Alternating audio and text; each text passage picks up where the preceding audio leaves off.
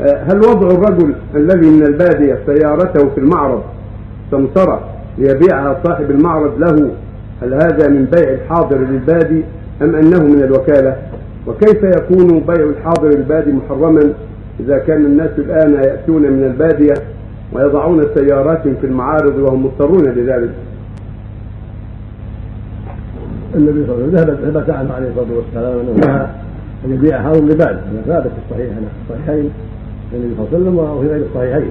في أحاديث كثيرة نهى عن بيع الحاضر البادي الحاضر هو الذي يتولى بيعة العتق البادي هو الذي يتولى بيعة العتق ولا يتولاها الحاضر لأن الحاضر قد عرف السلع وعرف قيمها فيكون بيعه عن البادي فيه مشقة على الناس والرسول يقول دعوا الناس يرزق الله بعضهم بعضا دعوا الناس يرزق الله بعضهم بعضا.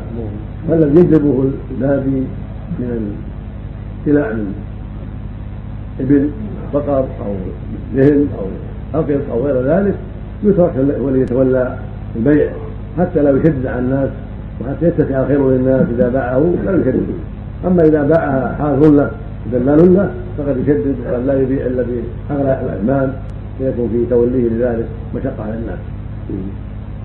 وهل يدخل تدخل السيارة في ذلك؟ هذا محل تدخل في ما ذكره النبي صلى الله عليه وسلم أم لا؟ محل نظر.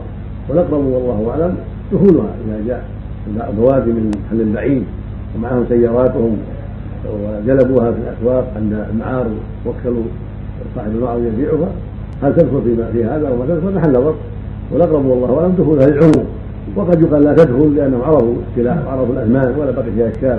وهم يبيعوا برضاهم وبمجاورتهم أشياء يعرفونها وليست مجهولة لهم. بخلاف البوادي اولا في بعض الأمور التي يجلبونها لا يعرفون قيمها أما الاسواق قد تقاربت الآن والناس قد عرفوا السلع والبادية صار كالحاضره في معرفة الآن السلع ومعرفة قيم السيارات اشتروها واستعملوها وعرفوا قيمها فقد يقال في هذه الحال إن العلة التي قالها النبي صلى الله عليه وسلم منتفية الآن لأن الحاضر البادي لو تولى ما يبيع إلا بالاحصاء التي يعرفها الناس ويعرفها الحاضرة فلا يكون في ذلك خطر على الناس.